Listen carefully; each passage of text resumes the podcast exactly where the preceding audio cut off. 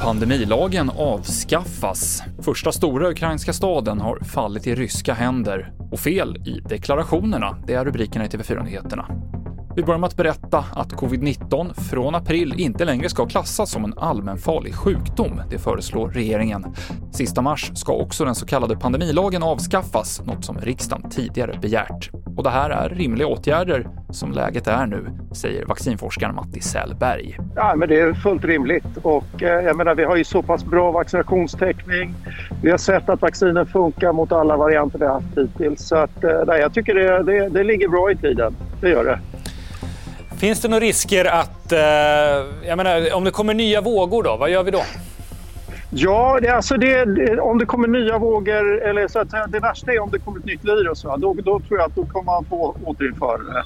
Men eh, så länge det är varianter av det här viruset så tror jag att eh, de, de vacciner vi har kommer att funka väldigt bra. Vi kommer kanske kunna se en ökad spridning till hösten eller om det på något annat sätt dyker upp ny variant eller vågor. Men då, som sagt, då kan man ju ganska snabbt sätta in de här åtgärderna igen om det skulle behövas. Så att eh, jag, jag tycker att eh, allting verkar rimligt och vi får hoppas att det håller sig lugnt.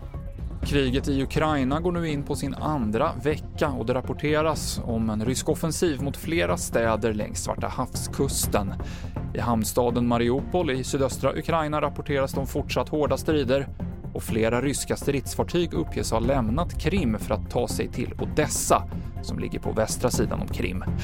Tidigare idag kom beskedet att Cherson, som också är en kuststad, har fallit efter hårda strider och det är den första större stad som Ryssland tar kontroll över.